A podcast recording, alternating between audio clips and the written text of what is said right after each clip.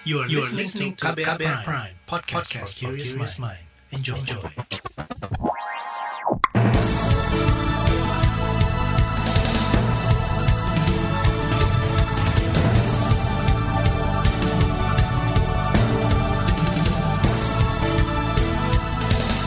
Selamat pagi saudara, senang sekali kami bisa menjumpai Anda kembali melalui program Buletin Pagi edisi Kamis 4 Maret 2021 bersama saya Naomi Liandra. Sejumlah informasi pilihan telah kami siapkan, di antaranya KPK dalami dugaan suap puluhan miliar di Ditjen Pajak. Indonesia duduki peringkat 35 negara rawan bencana dan anggota BRIMOB tewas di Poso. Inilah Buletin Pagi selengkapnya. Terbaru di Buletin Pagi. Komisi Pemberantasan Korupsi atau KPK tengah mengusut dugaan suap yang dilakukan pegawai Direktorat Jenderal Pajak Kementerian Keuangan. Wakil Ketua KPK, Alexander Marwata mengungkapkan, wajib pajak memberikan suap kepada pemeriksa agar jumlah pajak lebih rendah dari yang semestinya dibayarkan. Kasus suap ini pun ditaksir bernilai puluhan miliar rupiah. Kalau di pajak itu kan ya seperti penanganan pajak sebelumnya kan. WP maunya bayar pajak rendah. Pemeriksaan pajak gimana caranya supaya itu rendah. Prinsipnya begitu kan ya. Selalu ada imbal balik ketika itu menyangkut tindak pidana perpajakan itu antara kepentingan WP dengan fiskus pejabat pajak. Ya kalau mau rendah ada upahnya. Tentu itu semuanya melanggar ketentuan peraturan perundang-undangan di bidang perpajakan. Wakil Ketua KPK Alexander Marwata menambahkan, saat ini KPK tengah melakukan penyidikan terhadap beberapa orang yang akan ditetapkan sebagai tersangka. Namun Alex tidak menyampaikan secara gamblang siapa saja yang ditetapkan sebagai tersangka itu. Kata dia, penetapan tersangka akan diumumkan setelah bukti-bukti kuat terkumpul.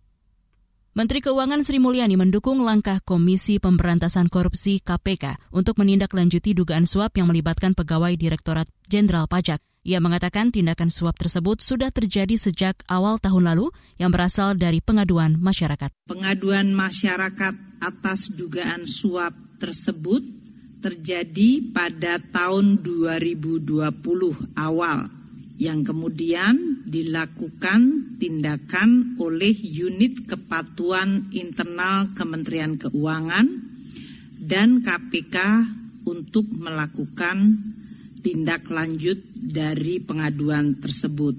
Menteri Sri Mulyani juga sudah mencopot pegawai Direktorat Jenderal Pajak yang diduga terlibat dalam korupsi suap puluhan miliar rupiah itu.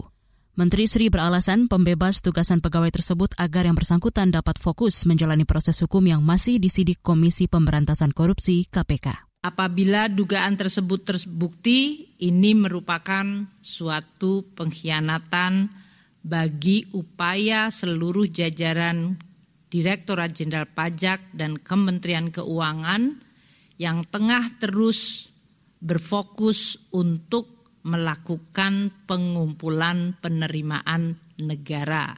Penerimaan pajak adalah tulang punggung dari penerimaan negara. Menteri Sri Mulyani menambahkan, dia telah menginstruksikan jajarannya agar mengusut wajib pajak yang diduga mencurangi biaya pajak agar membayar lebih murah. Kata Sri, apabila terbukti ada pelanggaran dalam pembayaran pajak, maka pihaknya akan menindaklanjuti. Center of Reform on Economics atau CORE Indonesia menilai dugaan kasus korupsi di lingkungan Direktorat Jenderal Pajak atau DJP Kementerian Keuangan dapat mempengaruhi penerimaan negara. Direktur Eksekutif CORE Indonesia Muhammad Faisal khawatir penerimaan pajak menurun karena tingkat kepercayaan subjek pajak semakin rendah kalau kita bandingkan dengan negara-negara lain, terutama negara-negara maju yang relatif bersih ya pemerintahnya dalam governance-nya, seperti di negara-negara Skandinavia, Norwegia itu tingkat pajaknya itu bahkan sebetulnya jauh lebih tinggi dari kita ya. Memang mereka juga negara maju, tapi mereka negara sosialis. Ada yang di atas 50 persen rate pajak mereka, tapi warganya rela, yaitu karena mereka percaya bahwa pemerintahannya bersih, bahwa pajak yang diserahkan kepada pemerintah dipergunakan cara dengan bersih ya untuk kepentingan negara, kepentingan orang banyak. Menurut Direktur Eksekutif KOR Indonesia Muhammad Faisal, tingkat kepercayaan menjadi faktor penting dalam penerimaan pajak negara.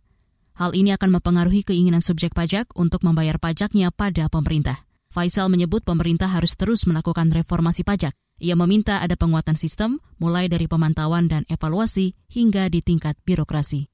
Januari lalu, Menteri Keuangan Sri Mulyani Indrawati menyebutkan penerimaan pajak tahun lalu mengalami tekanan yang sangat berat akibat pandemi COVID-19. Kontraksinya mencapai lebih 19 persen. Sri Mulyani mengatakan kontraksi terbesar terjadi pada sektor minyak dan gas. Kala itu Sri Mulyani mengatakan penerimaan pajak 2020 yang hanya mencapai 1,2 kuadriliun dengan target penerimaan tahun ini sebesar 1,4 kuadriliun. Angka ini dianggap cukup sulit diraih karena penerimaan pajak harus meningkat 12 persen. Dalam setahun, 3.000 bencana terjadi di Indonesia. Informasinya akan hadir usai jeda, tetaplah di Buletin Pagi KBR. You're listening to KBR Pride, podcast for curious mind. Enjoy!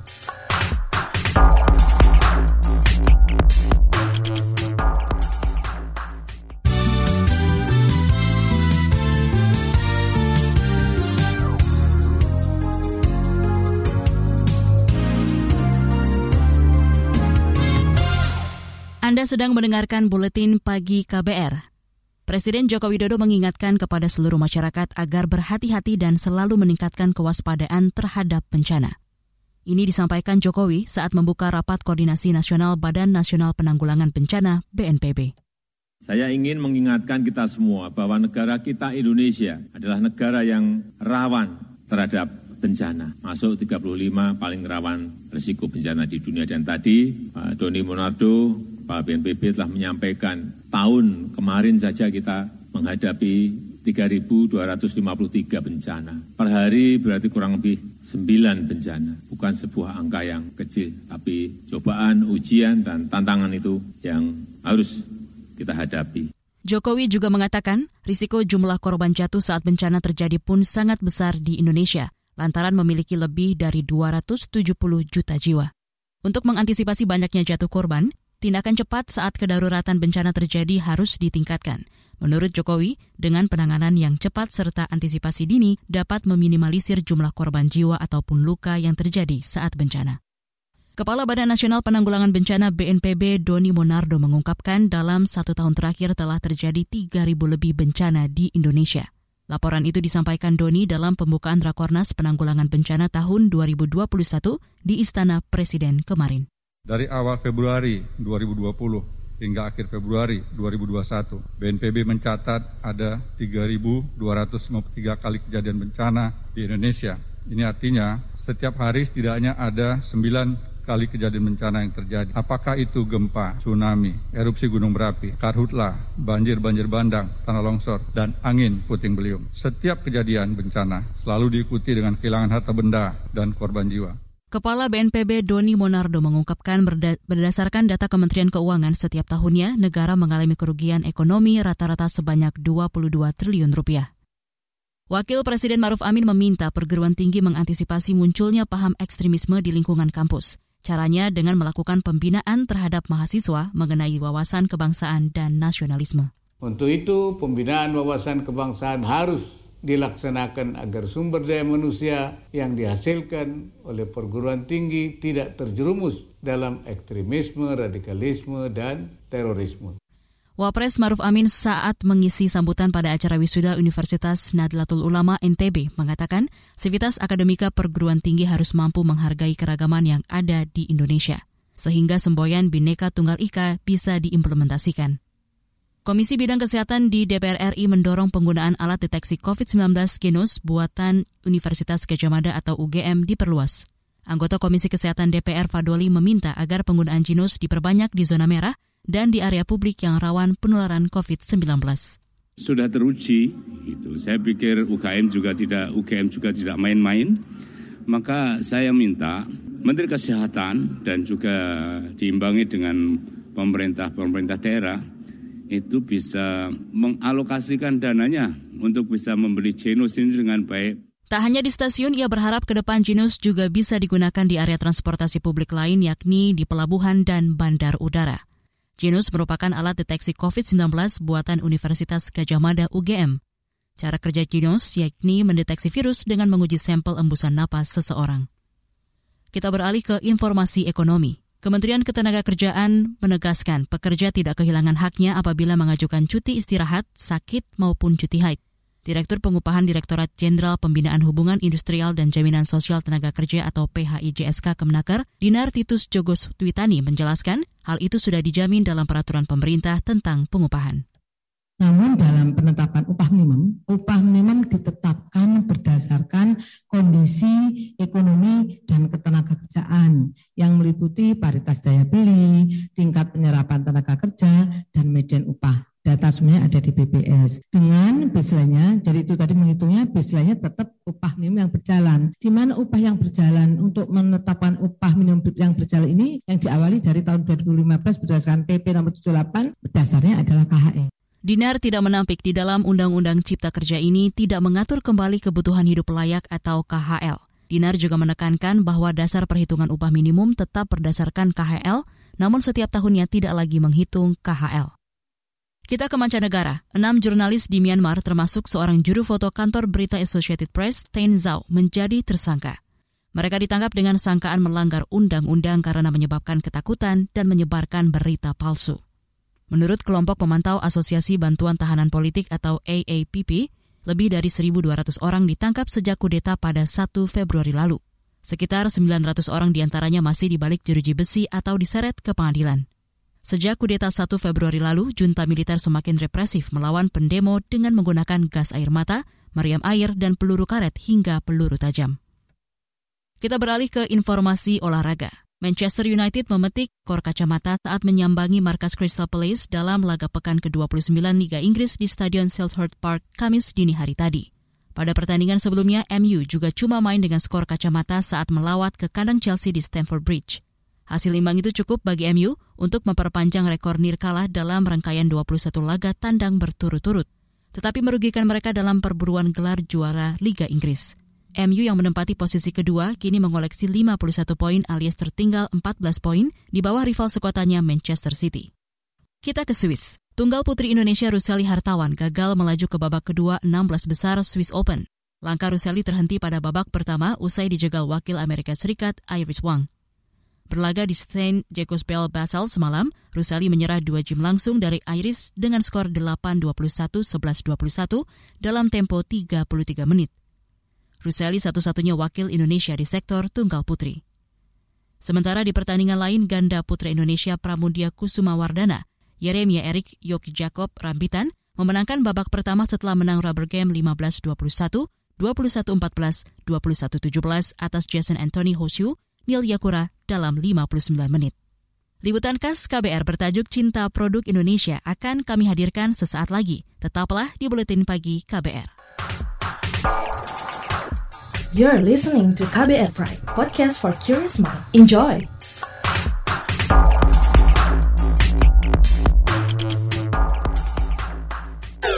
Commercial break. Vina, seorang volunteer dari komunitas Biho memberi pesan kepada teman-teman Broken Home untuk dapat bangkit dari keterpurukan dan mampu berdikari jangan sampai kalian menikah saat kalian belum siap. Itu penting banget. Jadi selama masih muda nikmati aja masa mudanya. Carilah hal-hal positif yang bermanfaat buat masa muda kalian. Sehingga nanti kalian ketika pun sudah memiliki pasangan, mau mencari pacar misalkan atau sudah ingin menikah, kalian sudah benar-benar matang agar apa yang kalian alami tidak terjadi kembali kemudian hari. Simak obrolan selengkapnya dalam podcast Disko Diskusi Psikologi dalam episode Bangkit dari Keterpurukan dan Berdikari di kbrprime.id dan platform mendengar podcast lainnya.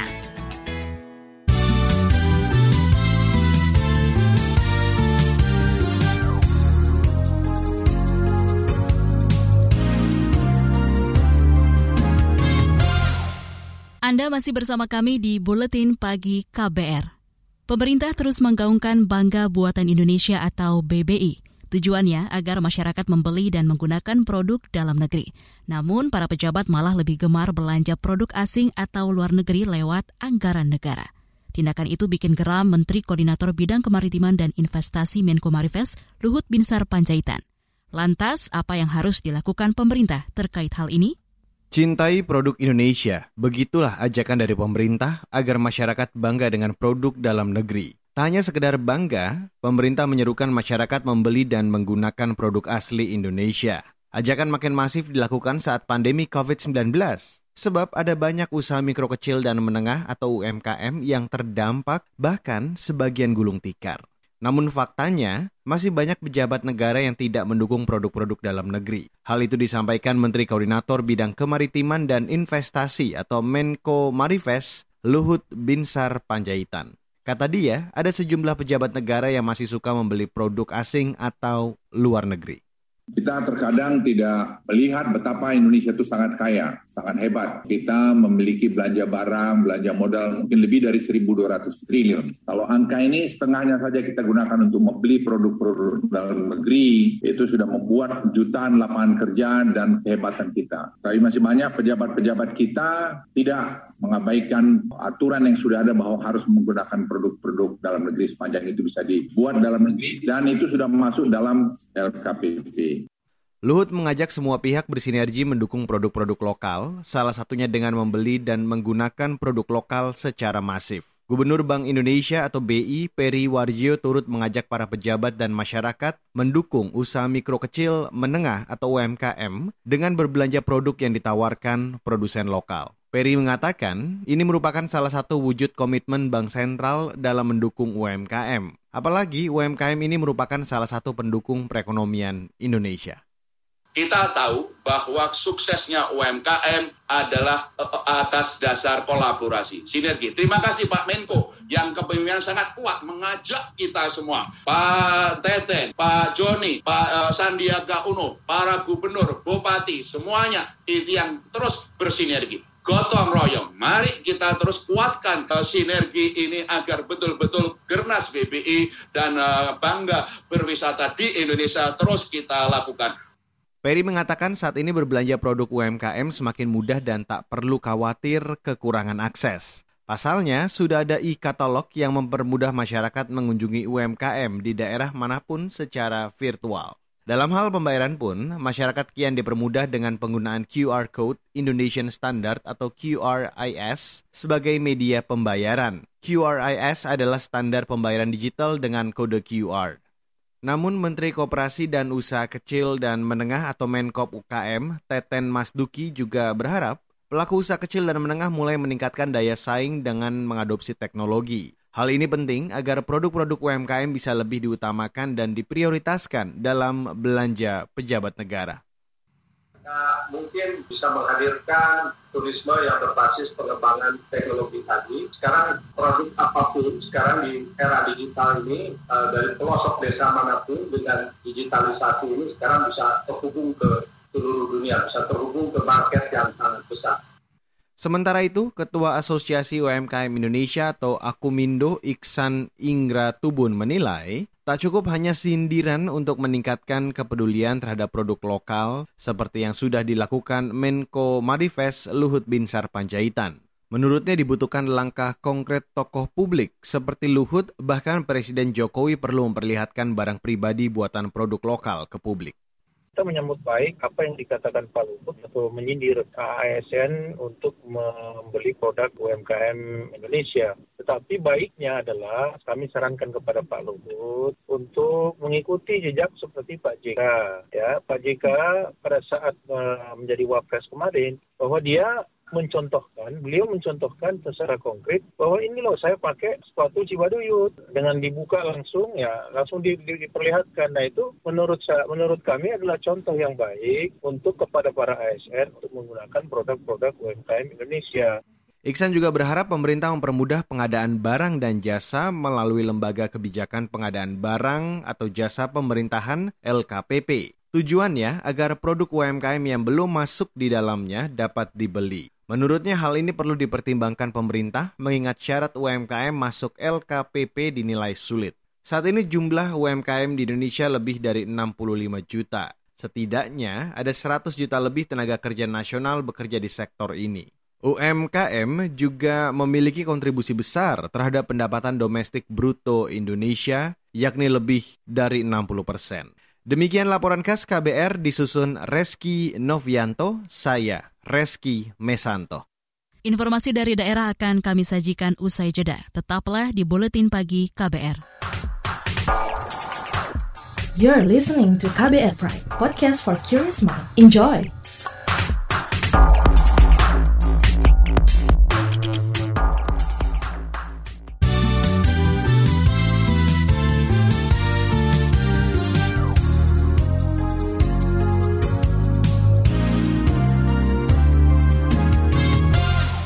Inilah bagian akhir buletin pagi KBR. Satu anggota Brimob Polda Sulawesi Tengah tewas setelah baku tembak dengan kelompok Muhajirin Indonesia Timur di Poso kemarin sore. Baku tembak terjadi di Desa Gayatri, Kecamatan Poso, Pesisir Utara, Kabupaten Poso. Juru bicara Polda Sulteng Didik Supranoto mengatakan, saat itu Satgas Madagoraya tengah mengejar buronan yang tergabung dalam kelompok Muhajirin Indonesia Timur. Kemudian dari hasil kontak tembak, rekan-rekan sekalian, telah gugur salah satu personil dari Brimob atas nama Bribtu Herlis dan sekarang jenazah sudah berada di Rumah Sakit Bayangkara. Juri bicara Polda Sulteng Didik Supranoto mengatakan rencananya jenazah Bribtu Herlis akan dimakamkan ke kampung halamannya di Desa Kondara, Kabupaten Kolaka Utara, Sulawesi Tenggara. Hingga kini Satgas masih melakukan pengejaran pada kelompok ini. Gubernur Jawa Barat Ridwan Kamil mengumumkan dua warga Kabupaten Karawang terpapar virus corona varian baru dari Inggris UK117. Warga tersebut diketahui terpapar virus corona UK117 usai berpergian dengan menggunakan maskapai penerbangan Qatar Airways. Oleh karena itu, tim sedang melacak mengisolasi tambahan tracing testing lagi kepada kontak erat. Saya titip kepada Bupati Karawang kepada Dandim, kepada Kapolres, seluruh jajaran, jangan sampai kecolongan membesar kita akhirnya tidak bisa mengendalikan, mumpung baru kecil dan mungkin juga bisa ada hal-hal lain untuk segera kita deteksi. Kita tahu kalau sudah telat harga treatmentnya itu sangat mahal sekali. Rituan Kamil memastikan virus corona UK117 ini menular akibat kedua warga Kabupaten Karawang berpergian ke luar negeri bukan penularan lokal. Pemerintah Provinsi Jawa Tengah mengizinkan kegiatan belajar mengajar tatap muka kembali digelar bagi perguruan tinggi di Jawa Tengah. Gubernur Jawa Tengah Ganjar Pranowo mengungkapkan proses KBM diizinkan dengan syarat dosen dan mahasiswa harus melakukan vaksinasi terlebih dahulu. Yang memungkinkan untuk belajar tatap muka itu perguruan tinggi. Kalau nanti guru sudah, terus kemudian dosen sudah, nah dosen plus mahasiswa karena mahasiswanya sudah di atas 18 tahun rata-rata kan, rata-rata sudah. Maka mereka kalau sudah divaksin semua silakan tatap muka, tinggal diatur tetap kapasitasnya dan seterusnya. Tapi kalau yang di bawah itu nanti dulu lah. Saya kemarin menyiap, saya sudah menyiapkan, kemarin juga sudah saya sampaikan bahwa yang kontak itu hati-hati. Maka kalau gurunya sudah, eh hati-hati loh, muridnya nanti pengalaman kita di SMK. Menurut Ganjar, untuk mengantisipasi persebaran COVID-19 serta terjadinya klaster baru dari sekolah, ia meminta agar kepala daerah untuk berhati-hati jika akan membuka KBM tatap muka. Pemerintah Kota Balikpapan mengingatkan perusahaan yang akan melakukan vaksinasi COVID-19 gotong royong atau mandiri tidak boleh membebani karyawan. Wali Kota Balikpapan Rizal Effendi meminta karyawan melapor jika ada pemotongan gaji atau diminta membayar. Saya kira kan itu kan eh, bukan kita nanti perusahaan yang nyiapkan. Iya kan perusahaan, bukan kita pemerintah daerah. Kalau perusahaan mampu, karena kan waktu apa syaratnya tidak boleh bayar dan tidak boleh membebani dan tidak boleh potong gaji. Ya, jadi perusahaan yang mengadakan itu betul-betul itu dana perusahaan, tidak boleh sekali lagi tidak boleh Membebankan karyawannya. membebankan karyawan, tidak boleh memotong gaji. Pokoknya itu betul-betul gratis dari perusahaan. Wali Kota Balikpapan Rizal Effendi mengatakan hingga kini belum ada pemberitahuan dari pemerintah pusat kapan vaksinasi gotong royong dimulai.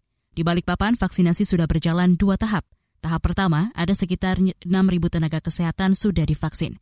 Sedangkan tahap kedua, ada lebih dari 9.000 dosis vaksin diperuntukkan tenaga pelayan publik, semisal TNI Polri dan pedagang pasar. Informasi tadi menutup jumpa kita di Buletin Pagi hari ini. Pantau juga informasi terbaru melalui kabar baru, situs kbr.id, Twitter kami di akun @beritaKBR, serta podcast di alamat kbrprime.id. Akhirnya, saya Naomi Liandra bersama tim yang bertugas undur diri. Salam.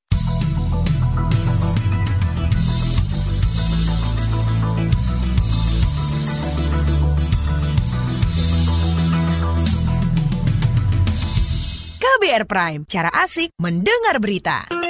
KBR Prime, podcast for curious mind.